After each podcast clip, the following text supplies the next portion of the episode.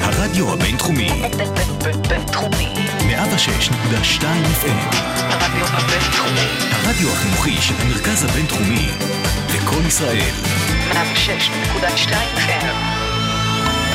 השעה הבינתחומית. פודקאסט שמחדד את המוח.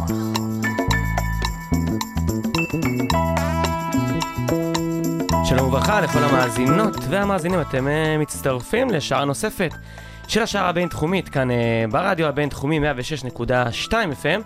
אה, אני ציקי ישי ואני שמח להציג את האורחת שלנו כאן להיום, דוקטור רונית ברגר, מבית הספר לממשל, דיפלומטיה ואסטרטגיה, כאן במרכז הבינתחומי. אהלן רונית, מה שלומך? שלומי טוב. אז קודם כל תודה רבה שבאת, ואני בקצרה אציג ככה את הנושאים שבהם נעסוק בתוכנית, ואז נצלול לעומק השיחה.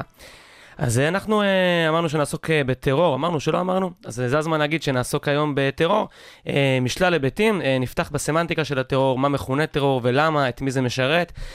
אחר מכן נעסוק במבנים של ארגוני טרור, נמשיך לתהליכי קבלת החלטות בארגוני טרור ופתרון סכסוכים, ותופתעו לגלות שמדי פעם גם ארגוני טרור נוטים להתנצל על דברים מסוימים, מסיבות מסוימות, ובמידה והזמן יותיר לנו עוד אה, מספר דקות, אה, נספיק גם לגעת בישראל והסביבה, קצת יותר אקטואליה על מה שקורה מסביבנו, על המבנים של ארגוני הטרור כאן, על ההתמודדות של המדינה עם הסיטואציות האלה וכולי. אז אנחנו אה, נצלול, ברשותך, אה, לנושא הראשון, לסמנטיק... סליחה, לסמנטיקה של הטרור. אה, זה על אף שהשימוש במילה טרור הוא רווח והמוני, נקרא לזה, אה, לא פשוט לדייק איפה עובר הגבול בין הת- התנגדות אלימה, שמטרתה אה, להשיג מטרות פוליטיות, אבל לא בהכרח טרור, לבין כזאת שהיא טרור. יש הרבה ויכוחים, הרבה זה, איך, איך את מגדירה את המושג בתור התחלה? אמ, אז אנחנו מדברים פה על מחקר שעשיתי ביחד עם פרופסור אסף מוגדם, שהוא גם מרצה בבית ספר לממשל, שמאוד הטריד אותנו בעצם להבין למה אנחנו מתעקשים לקרוא לקבוצות מסוימות ב- בעידן היותר מודרני טרור, טרוריסטים. האם הם באמת טרוריסטים? מה זה באמת טרוריסט?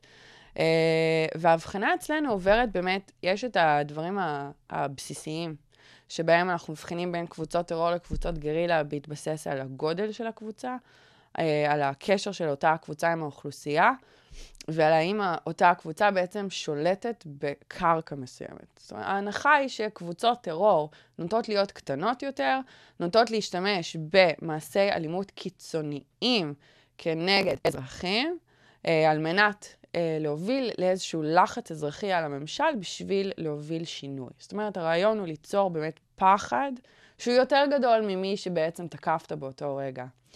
אה, קבוצות שכאלה נוטות להיות באמת קטנות, והן לא, בדרך כלל לא שולטות על אה, טריטוריה מסוימת. קבוצות גרילה מתנהגות בצורה אחרת. רק לשם ההבנה, את אומרת טרור גרילה, שאת עושה את ההבחנה זה בין טרור לגרילה, או שיש עוד אופציות? בדיוק. יש, בעיקרון יש עוד אופציות, אבל אם אנחנו מסתכלים על זהות התוקפ... המטרות, זאת אומרת, את מי תוקפות קבוצות טרור? קבוצות טרור תוקפות אזרחים. קבוצות גרילה, שזה הסוג השני האלים בעצם של קבוצות התנגדות, תוקפות אה, גורמים מדינתיים, יותר מאזרחים. הן לא מכוונות כלפי אזרחים. קבוצות גרילה, תחשבו על צ'ה, בעיקרון אנחנו חושבים יותר על אה, מין יחידה צבאית, הם, הם לובשים מדים בדרך כלל, הם נוטים לתקוף יותר צבא, משטרה, דיפלומטים, ממשלה, ופחות לכוון כלפי האזרחים, בגלל שקבוצות גרילה נתמכות על ידי האזרחים.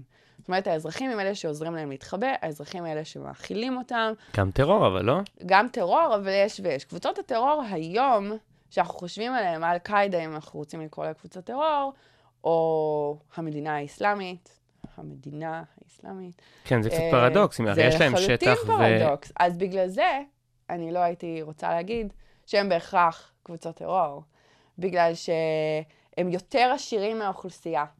הם בעצם תומכים באוכלוסייה, הם מקימים מנגנונים בשביל שהאוכלוסייה תתמוך בהם. הם כבר לא רק מבצעים פעולות אלימות לשם הפחדה.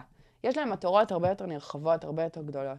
אז יש המון דברים שאפשר בעצם לדבר עליהם, על ההבדל בין קבוצות טרור לכל דבר אחר. זאת אומרת, לכל ישות אחרת שמשתמשת באלימות לשם השגת מטרות. כל מה שאנחנו ניסינו לעשות במאמר הזה, זה באמת להגיד, יש ערך לשימוש במילה טרור, כי לנו, כאנשים נורמטיביים, יש איזה קשר נורמטיבי למילה הזאת. טרור הוא פסול. גרילה לפעמים יכול להיראות כמו מלחמת צדק. אז אני מבין אותך נכון, אבל את, אני, איך שאני מכיר, ההבדל הרווח הוא פגיעה בחפים מפשע באופן ממוצר או לא, את נותנת פה עוד אלמנט של שליטה על שטח. נכון. ברגע שזה נכנס אבל ל, ל, ל, למשוואה, אז בעצם אנחנו, הרי, אני חושב ש... אולי אני לא מספיק מכיר, אבל רבים לפחות מארגוני הטרור המוכרים כיום הם קודם כל שולטים על שטח. נכון. אז, אז, אז המסקנה שלך היא שזה לא בהכרח טרור, או שאולי המושג. טרור צריך להתרחב? אה, אני חושבת שיש פה כמה דברים. או שבאמת נרחיב יותר את על מה אנחנו מדברים כשאנחנו מדברים על טרור. אה, אני לא טוענת שצריך להפסיק להשתמש במילה טרור, כי יש לה ערך כלשהו מבחינת מדיניות. אבל אם אנחנו רוצים למגר את הטרור, במובנו הרחב יותר, אנחנו צריכים להבין שאנחנו לא באמת מתמודדים עם קבוצות טרור במובן הקלאסי שלהם, אלא אנחנו מתמודדים עם קבוצות שהן יותר קרובות לארגונים היברידיים, או לקבוצות גרילה, שהלוחמה בהן היא שונה. זאת אומרת, יש הבחנה בין לוחמה בטרור לבין לוחמה בגרילה. Counter-insurgency versus counter-terrorism. אלו שתי טקטיקות שונות עם המטרות שונות. גם כשאנחנו נלחמים בקבוצה שאנחנו מעדיפים לקרוא לה קבוצת טרור, בגלל הערך הנורמטיבי, בגלל רשימות הטרור העולמיות, אנחנו עדיין צריכים להשתמש בטקטיקות של גרילה על מנת למגר אותם. כי אם נתמקד רק בלמגר את הטרור, אנחנו מתעלמים מכל שאר האחרים שלה. האספקטים שאותה קבוצה מ- מקיימת, כמו למשל לשלוט על טריטוריה, כן. להחזיק אה, מרכזי חינוך אה, וכל הדברים האלה. זאת בעצם זה ב- לא רק הטרור. בסאבטקסט של, של דברייך, בעצם אה, את אומרת, על אף שייתכן שזה לא בהכרח טרור, זה בסדר שנמשיך לקרוא להם טרור, כי זה משרת איזושהי מטרה, בדיוק. וזה מביא אותי לשאלה הבאה שרציתי לשאול אותך, אה, שבעצם הגדרה של מעשה טרור היא, היא באופן מובהק בעצם החלטה פוליטית, כי יש לזה החלטות משפטיות, בינלאומיות אה, וכולי. אז את, את אומרת, כאילו, מבחינת הפרקטיקה, להבין מה קורה שם אחרי זה, אחרי שהבנתם שזה לא בדיוק טרור כמו שהיינו רגילים, תקראו להם טרור כי זה משרת מטרות מסוימות. אז איזה מטרות זה בדיוק פוליטי. משרת? איזה מטרות פוליטיות משרת? כאילו איזה חסרונות ואיזה יתרונות, במידה ואתה קורא להם טרור, אתה מפספס את הפרקטיקה המדויקת, אבל אתה מרוויח מה אתה כן מרוויח. אז אה, תלוי מי עושה את ההגדרה, נכון? אז אה, בתור, אם אני ראש מדינה, ויש אה, בקרבי, יש אה, קבוצת טרור שתוקפת אותי על סיבות כאלה ואחרות. לי יותר משתלם לקרוא להם טרור ולא גרילה, כי גרילה יותר אומר שאין לי שליטה על טריטוריה מסוימת. זאת אומרת שאני איבדתי שליטה, אני לא שולט במה שקורה במדינה שלי. זה ההשלכה אז הברורה זה מהסמנטיקה השלכה הזאת? מאוד ברורה. זאת אומרת, אני מעדיף לקרוא לזה טרור ולא גרילה, כי אם אני קורא לזה גרילה, אז זה אומר שיש בעיה יותר גדולה שאני מתמודדת איתה. זה לא חבורה של משוגעים שמחפשים אה, להשיג משהו באמצעות אלימות, גרילה בהכרח שולטים על שטח, אז את אומרת. לרוב. זאת אומרת, גרילה, המטרה שלהם, בדרך כלל הם, הם, הם קוראים לזה, אה, יש, יש תיאוריה שלמה סביב זה שקוראים לה government by day, rebels by night. זאת אומרת, הממשלה בעיקרון שולטת בכל השטח באופן אה, כאילו פרקטי, אבל בעצם אה, היא לא מצליחה להגיע. זרועות הממשלה מתרכזות במרכז ולא מצליחות להגיע לכל מיני אזורים מרוחקים, להרים, לגבעות, ל- לאמצע המדבר וכל הדברים האלה. ושם נוטות להתפרץ גרילות. זאת אומרת, כי לממשלה אין בעצם את הכלים או את הכוחות לספק את כל השירותים שהממשלה צריכה לספק לאוכלוסייה שמתרוח... שגרה באותו מקום. ושם נכנסת קבוצת הגרילה.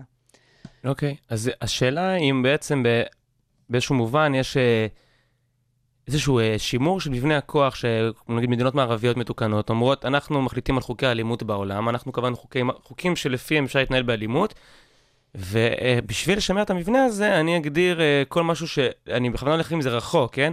שלא מספיק מתאים לי כטרור, ואז כולם אומרים, אה, זה טרור, אז כאילו, זה כמו להגיד הנשק לא קונבנציונלי. כאילו, פה החלטנו שהגבול, אז עד אז זה מוסרי, ומשם זה כבר... יש פה. את רואה בזה איזשהו... כאילו... הלוואי וזה היה כל כך קל, אבל אפילו טרור עצמו, בבסיס שלו, אין הסכמה בקרב האקדמיה, בכל מקרה, אה, או בקרב מקבלי החלטות, מה באמת הופך טרור לטרור. זאת אומרת, יש uh, ספר אב כרך ש- שמדבר על הגדרות הטרור, uh, ויש מעל 200 מאפיינים שמתקשרים להגדרות של טרור. השאלה היא, איזה סוג של... Uh, אסכולה אתה משתייך אליה. האם אתה מגדיר טרור בצורה מצומצמת, האם אתה מגדיר אותו בצורה רחבה. אנחנו פשוט ניסינו להיכנס לתוך הדיון הזה ולהגיד, זה לא באמת משנה איך אתם בוחרים להגדיר טרור, כל עוד אתם לוקחים בחשבון שפעילות אלימה קיצונית כנגד אזרחים, זה לא הפעולה היחידה שהקבוצות האלה עושות. הם יכולות להיות טרוריסטים, אבל הם עוד דברים אחרים. וזאת בעצם הפואנטה. ואולי אפילו, אם אני מבין אותך נכון, זה לא רק שזה, זה לא רק שזה ישפיע על הפרקטיקה של... את אומרת, קודם כל תבינו למה אתם מודדים, אחרי זה תקראו למה שאתם רוצים טרור, לא על פי הפירוט המדויק, אלא על פי האינטרסים המשפטיים, מדינתיים וכולי.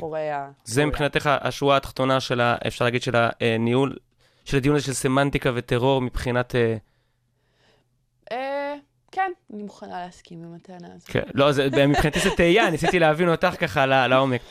הרעיון שלי הוא שאנחנו לא צריכים להיתקע על סמנטיקה. הכל בסדר, תקראו לזה אה, קבוצת מורדים, תקראו לזה קבוצת גרילה, תקראו לזה קבוצת טרור, תקראו לזה פילים ורודים, זה לא משנה.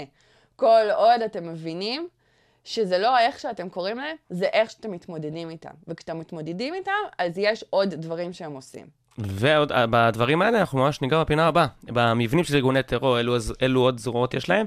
אנחנו נפתח עם השיר הראשון שבחרת, אה, אה, של הארקטיק מנקיז. יש לך איזה מילה שאת רוצה להציג אותו, או שפשוט אה, נפתח אותו? הוא אה, במהלך מחקר השדה שלי בצפון אירלנד. על תשובה כזאת לא ציפיתי בהקשר כן, השני. אוקיי. ביליתי פשוט מספר חודשים בבלפאסט, וערב אחד יצאתי בשביל לא לשבת כל היום בארכיב משמין, ונכנסתי לבר, והייתה שם הופעה חיה של להקה שעשתה קאברים לארקטיק מנקיז, ומאז התאהבתי בשיר, ואת כל הדוקטורט שלי כתבתי כשברקע מתנגן התקליט שלהם. אה. אז למעשה כל הדיון הזה על הרקע של הסאונד שאנחנו הולכים לשמוע עכשיו. לגמרי. יאללה, מושלם.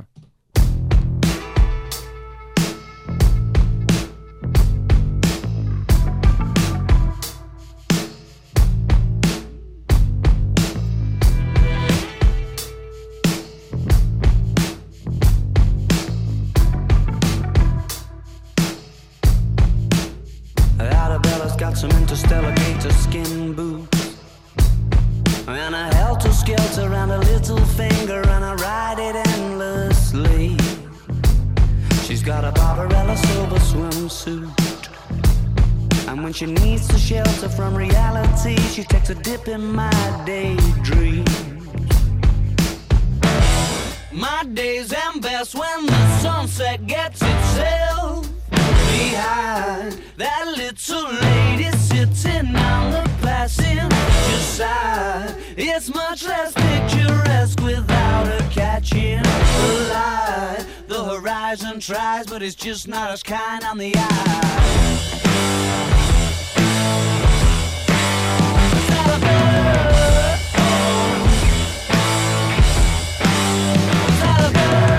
Just my sex into your mind.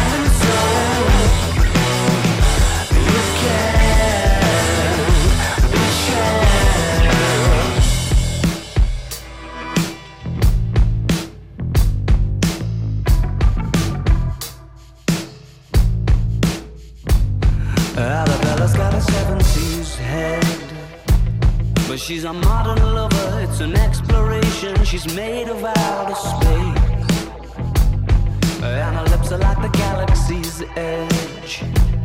And her kiss the color of a constellation falling into place. My days end best when the sunset gets itself behind that little lady sitting on the passenger side. It's much less picturesque without her catching the light. The horizon tries, but it's just not as kind on the eye. Is that a bird? Is that a bird? Just not tapped into your mind and soul.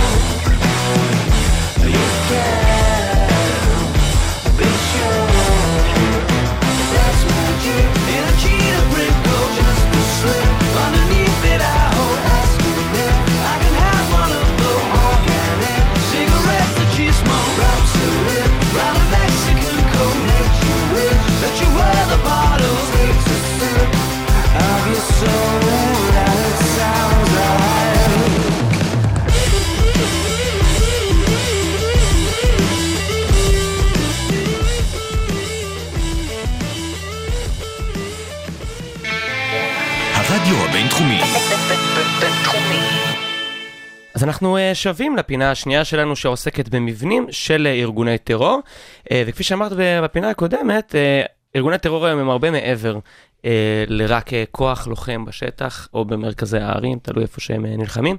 אז בואי ברשותך תמפי לנו בבקשה את הזרועות העיקריות שמרכיבים ארגוני טרור היום מעבר לכוח הלוחם. בגדול, אני לא מומחית כזאת גדולה לארגוני טרור בהכרח, אני התמקדתי בקבוצות מסוג מסוים שיש להם זרוע צבאית שמשתמשת בטקטיקות שונות, אחת מהן היא טרור. אה, אבל מה שעניין אותי זה בעצם הקש... הדינמיקה הזאת, התוך-ארגונית, בין אותה זרוע צבאית לבין שאר הזרועות של הארגון. אז יש זרוע פוליטית, אה, בהרבה מקרים מדובר על מפלגה אה, כמו כל מפלגה אחרת. אה, יש זרועות חברתיות. מפלגה שגם נמצאת בפרלמנט החוקי? מפלגה ש...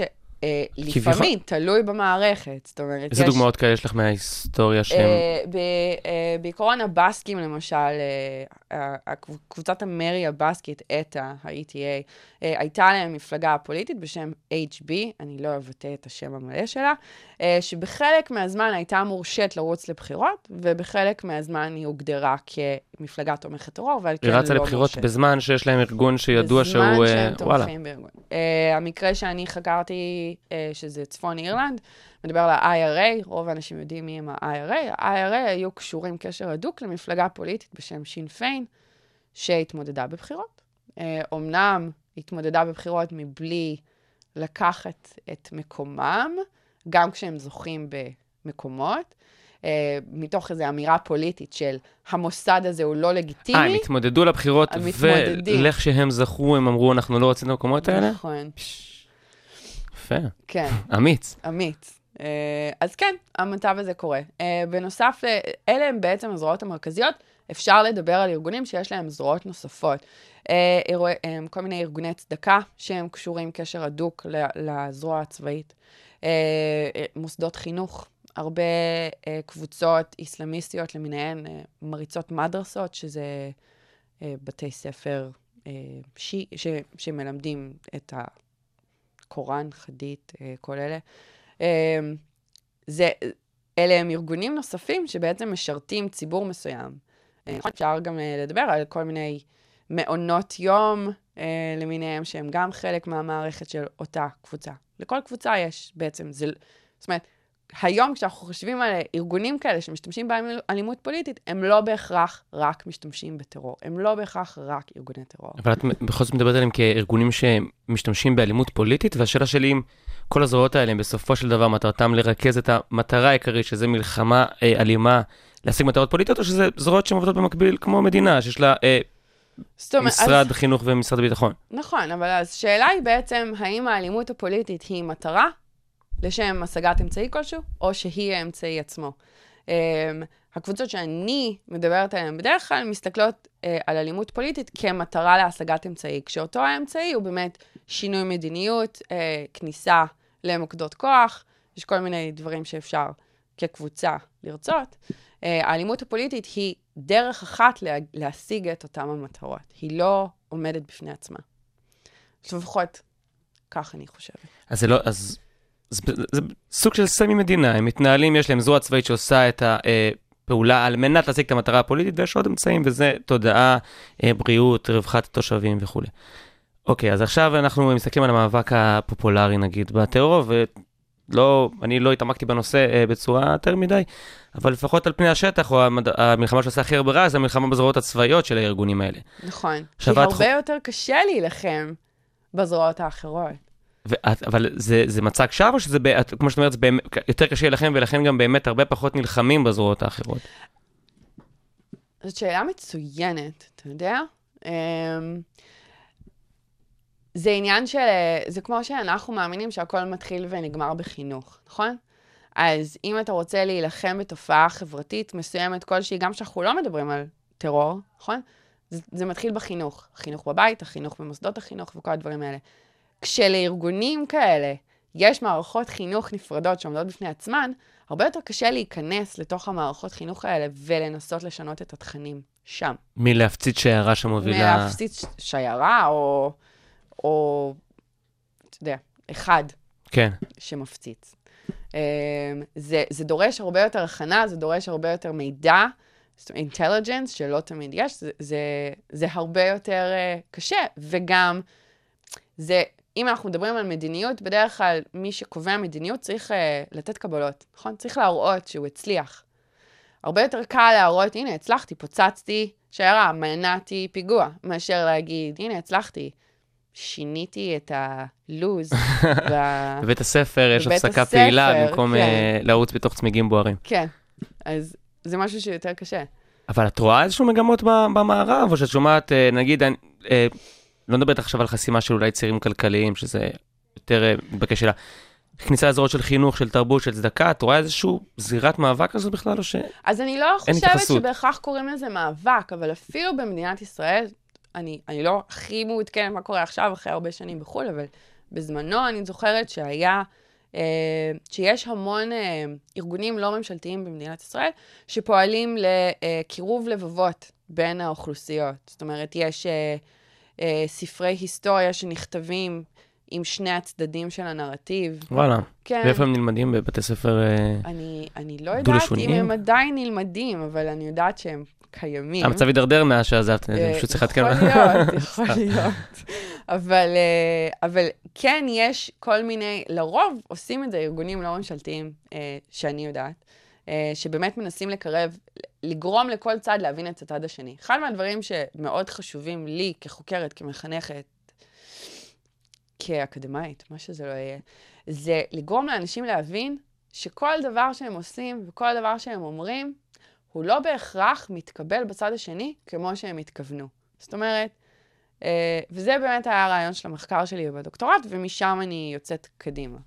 זאת אומרת, אם אני, אה, ממשלת ישראל, לשם הדיון, לא אוהבת לדבר על הסכסוך הישראלי-פלסטיני, אבל אם אני בתור ממשלת ישראל מחליטה אה, להעניש את חמאס בכך שאני אה, מורידה פצצה על עזה. אה, בואו נהיה פחות דרסטיים. בכך שאני מנתקת את החשמל לעזה. ואני חושבת שבעשותי כך, אני מענישה את חמאס. אבל אני לא באמת מענישה רק את חמאס, אני מענישה את כל מי שגר שם. ואני צריכה לחשוב איך המעשה הזה, שהייתה לו מטרה מאוד ספציפית, בעצם לאיזה שרשרת של תגובות הוא גורם בצד השני. מה- מה זה גורם לחמאס להרגיש? איך חמאס רואה את הפעילות הזאת? ומה זה גורם לאנשים שתומכים בחמאס להרגיש? איך הם רואים כל פעילות? ואני הייתי רוצה, בעולם אה, אידילי, שאנשים, לפני שהם עושים פעולות, הם קודם יעצרו שנייה לחשוב איך זה גורם לצד השני להרגיש. כי אולי ההבנה הזאת תוביל למדיניות יותר אחראית, בכל הצדדים. אם אני מבין אותך נכון, אז גם זה לא רק שהמאבק מתמקד בעיקר ב, אה, בכוח, בהפצצות וזה, אלא גם כשהוא מתמקד בזה, יש איזושהי התעלמות מהנזק האגבי של זה, ב- וכאילו אה, אה, מאוד מתלהבים מהקרדיט שזה מוביל למנהיג באותו רגע, זה שהוא הפציץ והרס וזה, אבל לטווח ארוך זה יכול בכלל לפגוע ברשת הגדולה שמרכיבה את ארגון הטרור, סלש גרילה. סלש כי הוא מסועף עם אוכלוסייה ועם תרבות וחינוך, ו... הדוגמה הכי טובה שאני מכירה, זאת אומרת, היא זאת באמת מצפון אירלנד. הסכסוך בצפון אירלנד הוא נמשך אלפי שנים, אבל הגלגול האחרון שלו התחיל בשנות ה-60 של המאה הקודמת, נוטים לומר. אמ, כשקתולים בצפון אירלנד, שהם היו המיעוט, אה, ראו את המהומות של השחורים בארצות הברית, אה, והחליטו ללמוד מהם בניסיון לקבל יותר זכויות, ויצאו להפגנות שלוות לחלוטין, לא אלימות. אה, היום יש הטוענים שזה לא באמת היה שלו, אבל נצא מתוך נקודת הנחה שהם התחילו ממקום טוב, שהם צעדו ברחובות לשם קבלת זכויות, והממשלה הנוכחית באותו זמן לא ידעה איך להתמודד עם זה, אז היא הביאה חיילים בריטים מבריטניה לתוך האי, אירלנד, אה, להתמודד עם הפרעות החדשות האלה. החיילים הבריטים לא ידעו מה לעשות, אז הם אה, פנו כנגד האוכלוסייה שעוסקת אה, מחאה לגיטימית. מחאה לגיטימית. וזה פשוט הצית את כל הסכסוך.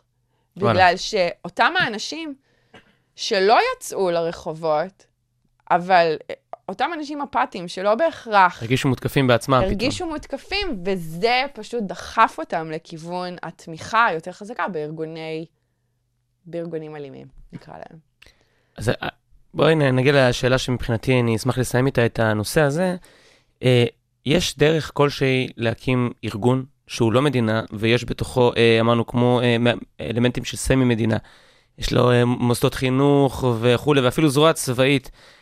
בוא נגיד, בשביל הדיון, שהיא לא פוגעת באזרחים חפים מפשע, אלא מנהלת מאבק צבאי לגיטימי עם איזשהו כוח כובש, זר, whatever. מהו מאבק צבאי לגיטימי? המ- מ- בשביל ההגדרה זה כוח לוחם נגד כוח לוחם, בסדר? זה שני אוקיי. זרועות, אה, אה, אקטיביות אה, לוחמות של, שמבצעות מדיניות כלשהי, שברגע זה של מדינה זה כמובן נחשב כלגיטימי. השאלה אם יש דרך, יש בכלל אפשרות, הרי בסוף יש פה מדינות שרוצות לשמר את, ה, את אפילו את המבנה הכללי הזה של מדינה ושל היכולת שלה לשלוט על, אה, בלי להיכנס לזה אם זה טוב או רע, אבל יש בכלל אופציה לאנשים להקים משהו שהוא לא מדינה בהכרח, ו... אבל מנהלים אה, זרוע צבאית והוא לא באופן אה, מיידי יסומן כטרור?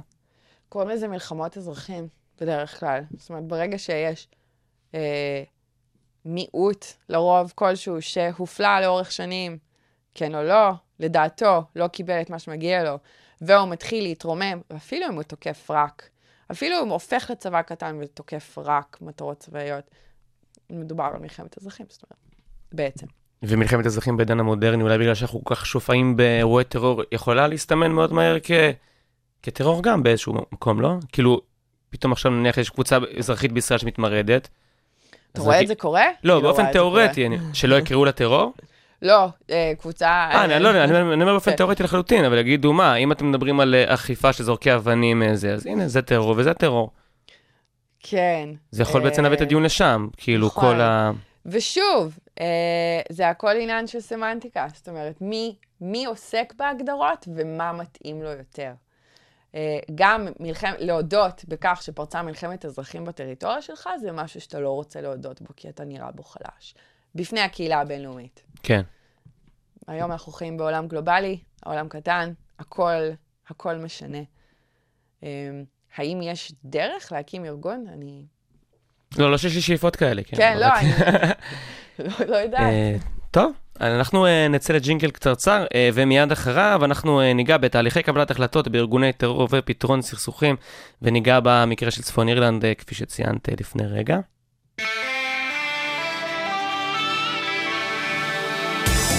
הרדיו הבינתחומי, בינתחומי. 106.2 FM, הרדיו הבינתחומי. הרדיו החינוכי של המרכז הבינתחומי, לקום ישראל, 106.2 FM. אז אה, בעבודת הדוקטורט שלך אה, פיתחת מודל לחקר תהליכי פתרון סכסוכים, שבוחן, אני מנסה לדייק בהגדרה, שבוחן את, את האינטראקציה בין סביבה, ארגון ומנהיגים.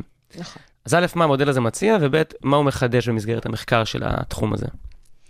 מה שהוא מציע בעצם אה, זה את הנקודה שכבר ציינתי, שבעצם כל, כל פעילות שקורית במסגרת סכסוך, אבל גם בדברים יותר רחבים, יש לה משמעויות מעבר לאותה החלטה רגעית. אה, וצריך להבין מה אותן המשמעויות לפני שפועלים. או לפחות, אם כבר פעלת, לחשוב מה זה אומר. אה, ומה זה אומר, זה לא רק מיידי מול אותה המטרה, אלא זה מיידי מול קהילה שלמה, ואפילו מול כל העולם. מה שאני רציתי להראות בעצם, זה שכל דבר שקורה במהלך סכסוך, אם אנחנו רוצים לקדם סכסוכים, אנחנו צריכים להסתכל דבר ראשון על המנהיגים בתוך, ה... בתוך הסכסוך. מי מנהיג כל קבוצה, מה הוא רוצה, בתכלס. רוצה שלום, או רוצה עוד כוח? אז את מדברת בסדר של גם סדר פעולות, קודם כל מנהיגים? לא בהכרח. אה, אוקיי. הסדר, זאת אומרת, יש בעיקרון שלוש רמות ניתוח שאנחנו נוטים לדבר עליהן, רמת המנהיג, רמת הארגון או המדינה, והרמה הגלובלית. אה, אני פשוט אומרת, דבר ראשון, חשוב להסתכל על תוך שלושת הרמות האלה, ודבר שני, זה לא רק שלושת הרמות, אלא האינטראקציה בין שלושת הרמות. זאת אומרת, איך מנהיג מסוים בתוך ארגון מסוים מתנהג בסביבה מסוימת. האם הוא, אה, האם הסביבה מגבילה אותו? האם הקבוצה מגבילה אותו? הסביבה, את מדברת על הסביבה של הארגון שלו, או על הסביבה הסביבה של הסכסוך. הגיאופוליטית שבה הוא בו- בו הוא בדיוק. נמצא? בדיוק. זאת אומרת, ניתן לך דוגמה קלה, יחסית. אמ, אפילו ראש ממשלה מסוים, אמורפי, אוקיי? אוקיי. ראש ממשלה אה, נמצא בסכסוך מול קבוצת טרור, קבוצת גרילה. הוא צריך להחליט האם הוא מכריז מלחמה או אה, מבצע פעולות אה, סודיות, למשל. אה, זאת החלטה. עכשיו, ההחלטה הזאת לא תלויה רק ברצונו של ראש הממשלה. היא תלויה בהאם הממשלה עצמה, או הקבינט, או מי שזה לא יהיה שמחליט, או הצבא, מערכת הביטחון, האם הם תומכים בסוג אחד של החלטה או בסוג האחר? או האם יש בהם, יש להם את הכוח למנוע מאותו ראש ממשלה להחליט?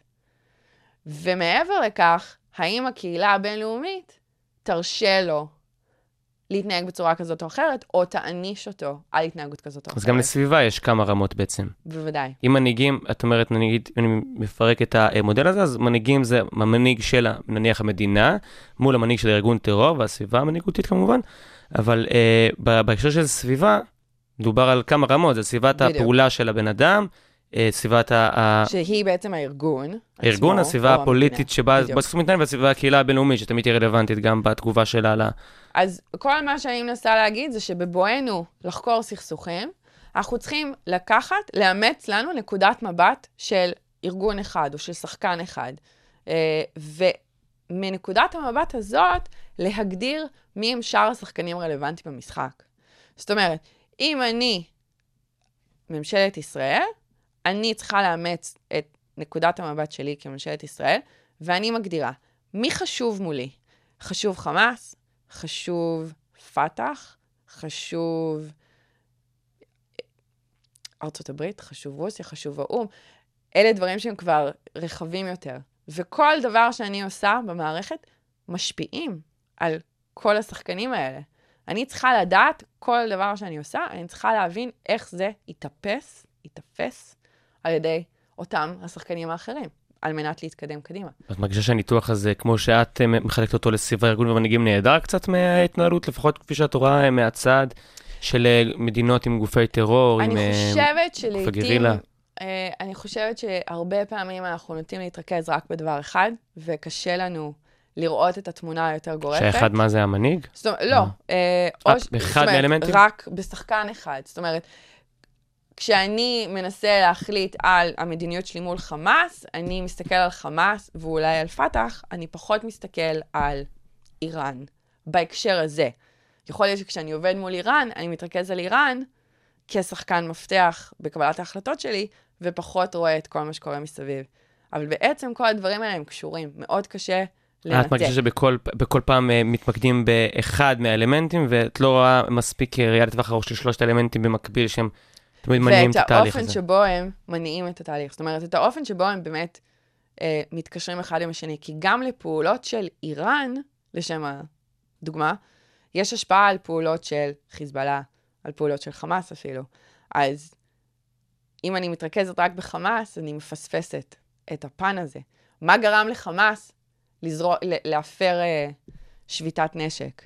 האם אני גרמתי לו להפר שביתת נשק, או משהו שמישהו עשה במקום אחר בעולם, עודד את חמאס לשבור שבירת נשק? איך אני מתמודדת עם זה?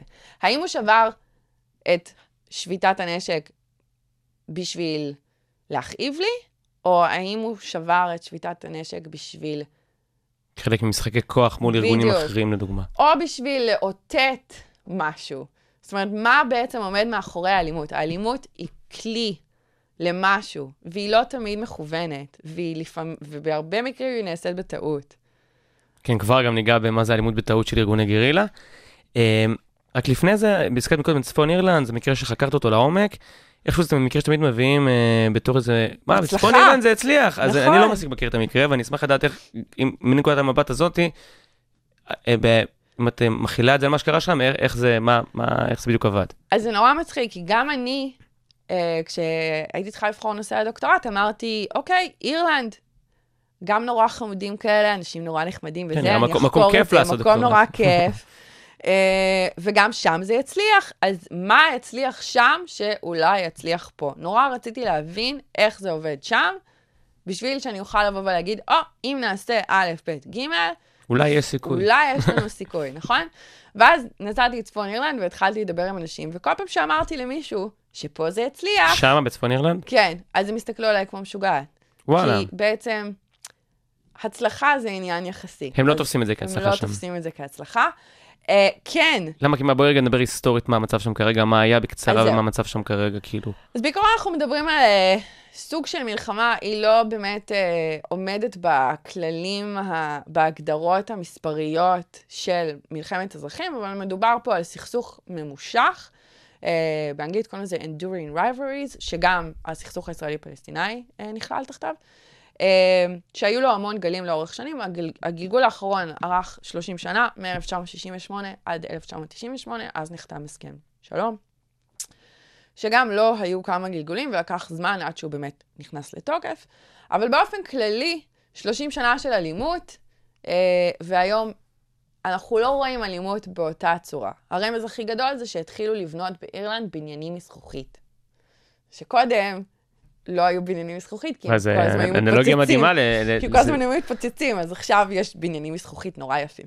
אז uh, כי הם לא מפחדים יותר מפצצות. זה, זה בעצם ה... ולמה מרגישים שזה לא נפתר? בגלל שהמתח זה דבר אחד, להוביל קבוצת מרי כלשהי להתפרק מנשקה, זה דבר שני, לאחד חברות שחונכו לשנוא אחת את השנייה לאורך זמן. כן, זה כבר עניין שייקח דורות מן זה תהליך הסתם. ארוך, בדיוק. אז יש, וגם האלימות, האלימות שאנחנו שומעים עליה, זה כמו שאם תיסע לכל מקום אחר מחוץ לישראל, ותקשיב לחדשות על ישראל, זה נשמע כמו מקום מטורף ואלים, שאנחנו חיים פה, ואנחנו יודעים שזה לא בהכרח נכון לגבי כל מקום. להפך, אני, אני אחרי שנים שגרתי בכל מיני מקומות בעולם, ישראל מבחינתי המקום, אחד מהמקומות הכי בטוחים. אפילו קירות האולפן שלנו עשויים מזכוכית כרגע, אז. אנחנו אה, מרגישים אה, קצת נכון? בנוח, כן.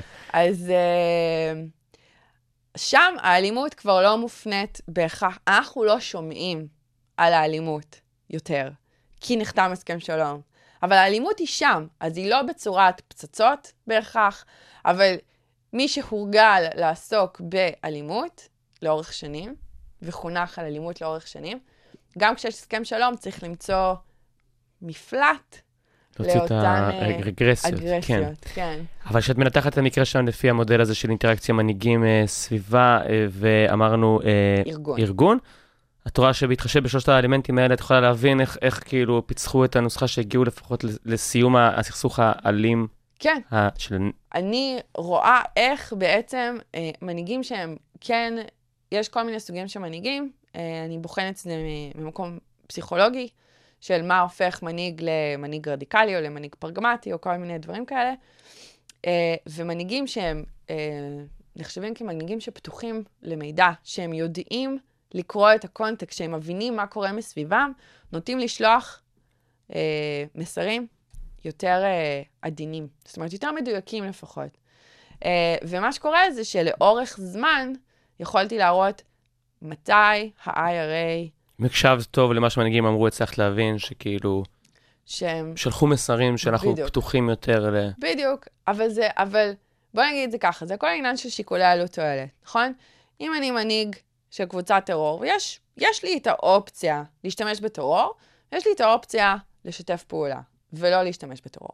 נגיד, להפחית את כמות הפיגועים, או להסגיר מישהו, או להיכנס לדיונים, למשא ומתן. יש, יש הרבה אופציות בפניי. אני ניסיתי להבין מה גורם לארגון הטרור עצמו, מתי הוא מחליט לנהוג באלימות, מתי הוא מחליט לשתף פעולה, ומתי הוא פועל בשתי דרכים. בו זמנית, הוא גם משתף פעולה וגם משתמש בטרור, וזה באמת העניין הזה של השני אגפים, שיש זה אחד גם... מהעקב אכילס של הסכסוך נכון. הישראלי-פלסטיני, תמיד נכון. שאומרים, תמיד היו הסכמים, ותוך כדי לא הפסיקו לנהל. טרור, אז מה זה אומר? אז מה זה אומר ולמה זה קורה? ואני מצליחה להראות שזה קורה בגלל, הס... בגלל כל מה שקורה מסביב. זאת אומרת, אם אני בתור מנהיג טרור, יש לי את האופציה להשתמש בטרור, ואני רואה שהיריב הכי גדול שלי, במקרה של ה-IRA, זה היה הממשלה הבריטית, מחליטה לשלוח עוד חיילים פנימה. הם מכניסים עוד חיילים. אז איזה אינטרס יש לי לא להשתמש באלימות עכשיו? אם קודם הייתי נחמד ולא השתמשתי בטרור, ועדיין הם החליטו להכניס עוד חיילים. אז וואלה, אז גם אני, אז גם אני אעשה משהו אלים. וכשממשלת בריטניה כן עושה משהו חיובי, מוציאה חיילים, או מקלה על חוקי הטרור ודברים כאלה, אז באמת ה-IRA לוקח צעד אחורה ומשתמש פחות באלימות, או משתמש באלימות יותר ממוקדת, או נגד מטרות שהוא רואה כיותר לגיטימיות. דברים כאלה. כי אם אני מבין אותך נכון, אז בעצם אה, אם אתה מסתכל, נניח עכשיו יש אה, תהליך מדיני מדומיין שכזה עם הפלסטינים, ותוך כדי ממשיך הטרור, אז התגובה היא טבעית, הנה אתם רואים, יש טרור, הם לא ברצינים. אבל אם אני אסתכל לצורך העניין על נקודת מבט הזאת של שלושת האלמנטים, אני אגיד, זה לא בהכרח אומר שהם לא רוצים שלום ולא רציניים, אלא יכול להיות שאחד האלמנטים האחרים, מחייבים אותם, או עשיתי. בשיקולי עלות תועלת, הם מבינים, כן, שעדיף להם, זה בלי שום קשר לדיון כן. שמתנהל על זה. אוקיי. ולפעמים זה מאוד קשור בעצם לקבוצה עצמה. זאת אומרת, ה-IRA לא רצה לאבד את התמיכה של אותם חברים שכן תומכים בטרור בתוך הארגון. אז הוא היה חייב להשאיר אותם, לתת להם לפעמים להשתמש באלימות. אני לא, לא מצדיקה לא, אלימות ברור. בשום צורה, אבל מבחינה ארגונית, בשביל שהארגון לא יתפרק ויהפוך ליותר אלים, אז משחררים לו קצת החבל כן. לפעמים, תוך כדי שעושים משהו אחר. מנסים את כל האופציות. אוקיי, הזכרת מקודם את העניין של ארגוני טרור גם לפעמים מתנצלים. זה מרגיש נכון. קצת פרדוקס לבן אדם שצופה מהצד ומרגיש שארגון טרור, ארגון טרור, והמקסימום נפגעים זה המקסימום הצלחה. אז מה, מה זה אומר ארגון טרור מתנצל? על מה ארגוני טרור מתנצלים? באיזה הקשרים? מה האינטרסים? אז שוב, גם פה זה נורא תלוי בארגון עצמו ומה המטרות הסופיות שלו. Uh, למרות שמצאנו שכל ארגון טרור כלשהו יתנצל בשלב כזה או אחר, לפעמים ההתנצלויות... כל הן- ארגון טרור? אפילו המדינה האסלאמית, דאעש, על מה התנצלה? באמת? אה, על אה, זה שהם פוצצו אה, בית ספר פעם. ההתנצלויות הן לא, הן לא, לא בהכרח תמיד פומביות, הן לא תמיד נעשות אותו דבר. גם האל-קאעידה לפעמים, כשהם אה, הורגים בטעות אנשים שלכאורה משויכים, אמורים להיות משויכים לתומכיהם, לאוכלוסייה שלהם, התנצלו בצורה של אה, אה, שליחת משאבים, כסף, אוכל ודברים כאלה, לא בהכרח בהתנצלות פומבית. אני, אני והקולגה שלי, אה, שהיא מרצה כיום באוניברסיטת וסליאן, ניסינו להבין מה גורם, כי אני חקרתי את ה-IRA והם מתנצלים לפעמים, והיא חקרה את המוסלים בראדרהוד במצרים, וגם הם מתנצלים לפעמים, אז ניסינו להבין מה גורם להם להתנצל. וגילינו שבאמת ארגונים כאלה, שיש להם זרועות, שיש להם גם זרוע פוליטית וגם זרוע צבאית, שהם לא רק טרוריסטים לשם הטרור, נוטים להתנצל כשהמחיר של טעות שהם עשו הוא יקר. זאת אומרת, אם פוצצנו בטעות ילדים, ויש איזשהו עליהום מצד הציבור שאמור לתמוך בנו על זה שאנחנו לא אנושיים, שאנחנו מפלצות, שפוצצנו ילדים, אז על זה אנחנו נתנצל. כי פוליטית, יש לזה מחיר. אוקיי, אז יש לי שתי שאלות על מה שאמרת עכשיו. דבר ראשון, אני אשמח להבין, את אומרת שעל אה, על הציבור שאמור לתמוך בנו, אבל נניח, את נותנת, מסתכל על דוגמאות של ארגוני טרור היום. ויש תחושה שכאילו דאעש, ככל שהם יתפסו כיותר מפלצות, זה יותר ירתיע את המערב. אז באיזה סביבה פוליטית הם יתנצלו? איזה, הם...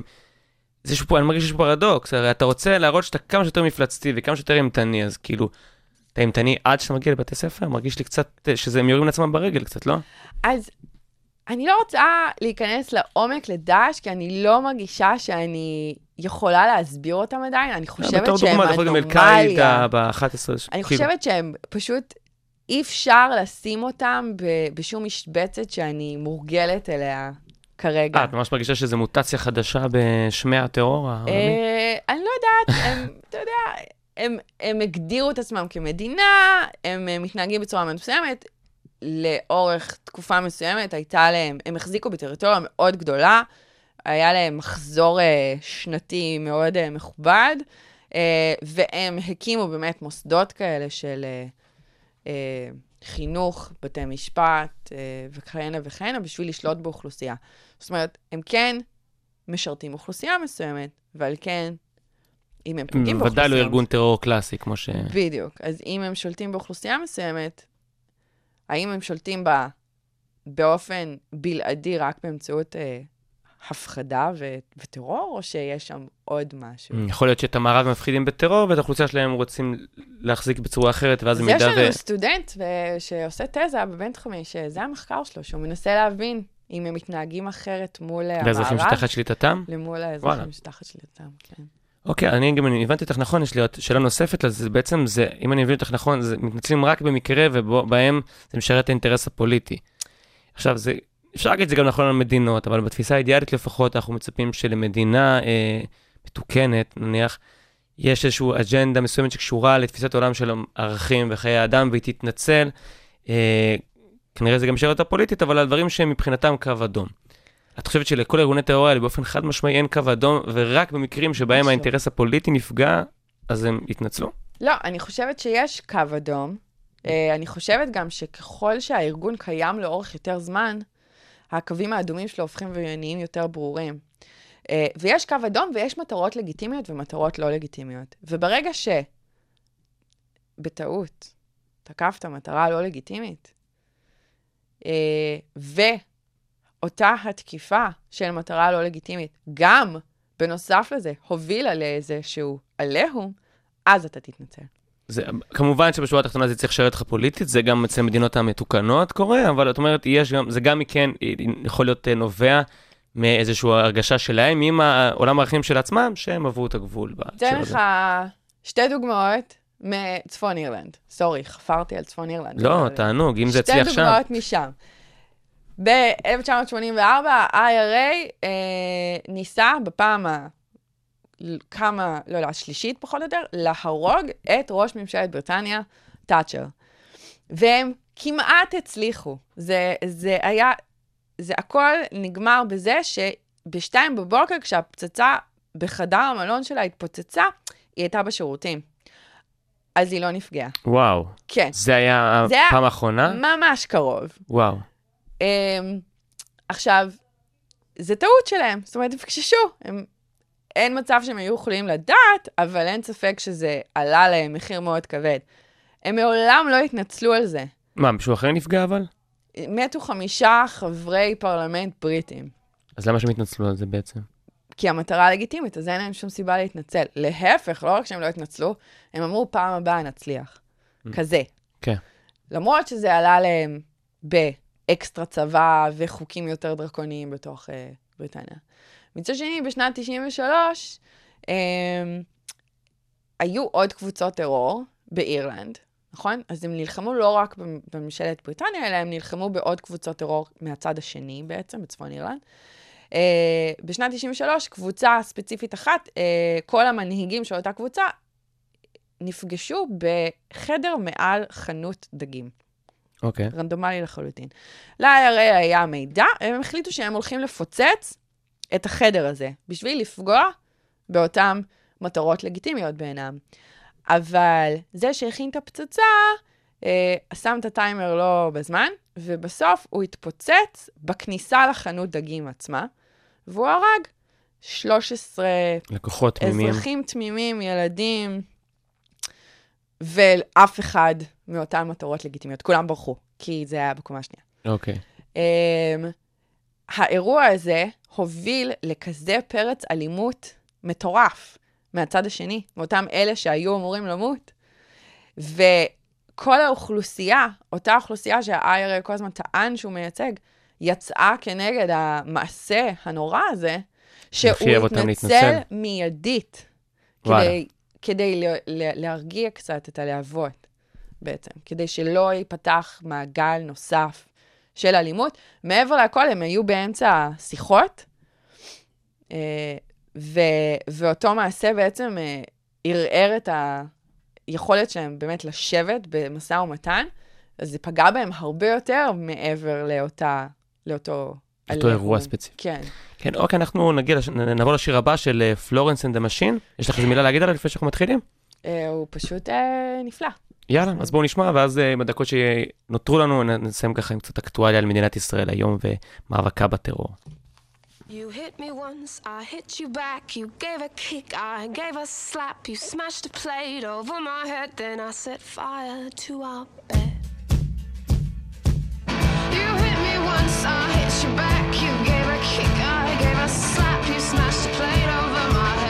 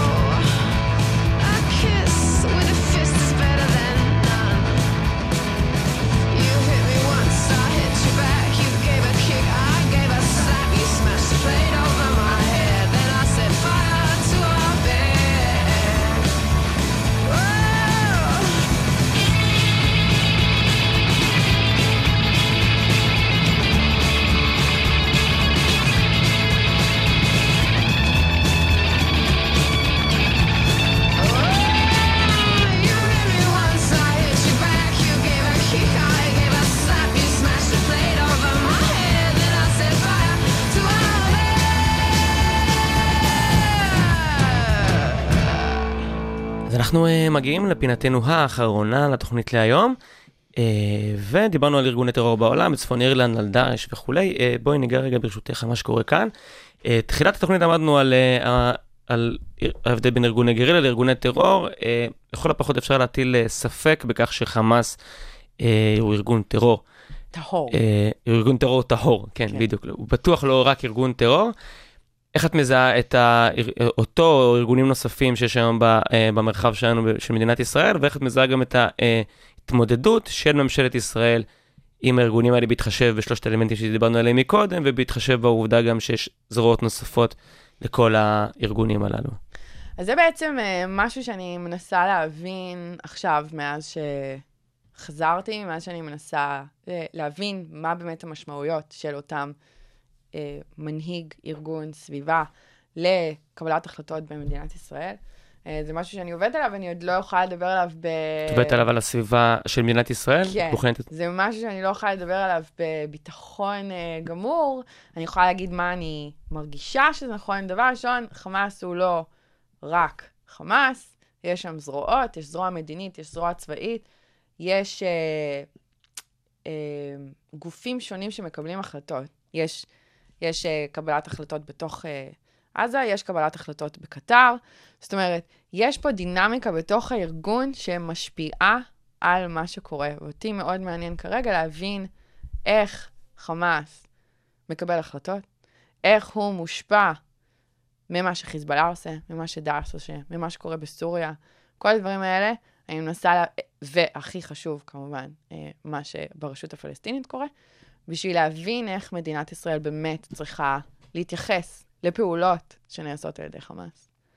וכרגע, לפחות איך שאני מבין, היחס הוא, אם אנחנו עוד פעם חוזרים לתחילת השיחה, הוא שחמאס זה ארגון טרור. אה, הוא ו- יותר מ...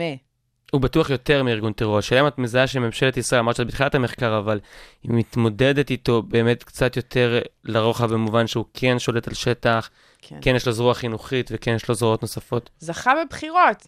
תקרא להם אה, בחירות לגיטימיות, דמוקרטיות, כן או לא.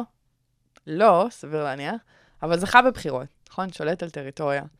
שליטה מוגבלת יחסית, כן? כי, כי יש פה מקרה מאוד מעניין, מאוד מסובך. זה לא המקרה הרגיל של מדינה מול ארגון טרור שפועל ב, בטריטוריה שלה. יש פה, זה הרבה יותר מורכב משפטית, זה הרבה יותר מורכב אה, בינלאומית, בוא נגיד, אה, ובאמת מעניין לראות איך מתמודדים איתם. אני כן חושבת שמדינת ישראל עושה הרבה מאוד בשביל לנסות להבין איך להתמודד עם האיום, וכן יש את ההבנה שזה לא רק איום של טרור, שזה הרבה יותר מעבר. והייתי שמחה אה, לתרום לדיון ברגע שיהיה לי אני חושב שזה. תפיסות אה, חדשות, שעם לא השנים אה, כאילו חושבת מבינים שארגוני ש- טרור זה יותר ממה שחשבנו, או שזה... לא, אני חושבת שבמדינת ישראל אפשר להגיד עלינו הרבה דברים, אבל אנחנו טובים בביטחון. טובים בטרור. אנחנו טובים בביטחון, ואנחנו כן משקיעים הרבה בלנסות להבין מי עומד מולנו. אבל תמיד אפשר להשתפר. כן, כמובן. אה, אוקיי, היה לי אה, מרתק לדבר איתך. אה, דוקטור אה, רונית ברגר מבית הספר לממשל, דיפלומטיה ואסטרטגיה כאן במרכז הבינתחומי. אנחנו אולי נקיים את המפגש הבא כשיהיו לך מסקנות על מה שקורה כאן, תעשה לנו קצת אה, סדר ב, בסביבה שלנו, אחרי שהבנו שבצפון אירלנד כבר אפשר אולי לקלל, אבל לנשום לרווחה ולגור בבנייני זכוכית, ככה זה עוד אפשר. אז תודה רבה לך, תודה לך. אה, ושיהיה לך המשך יום נעים. להתראות.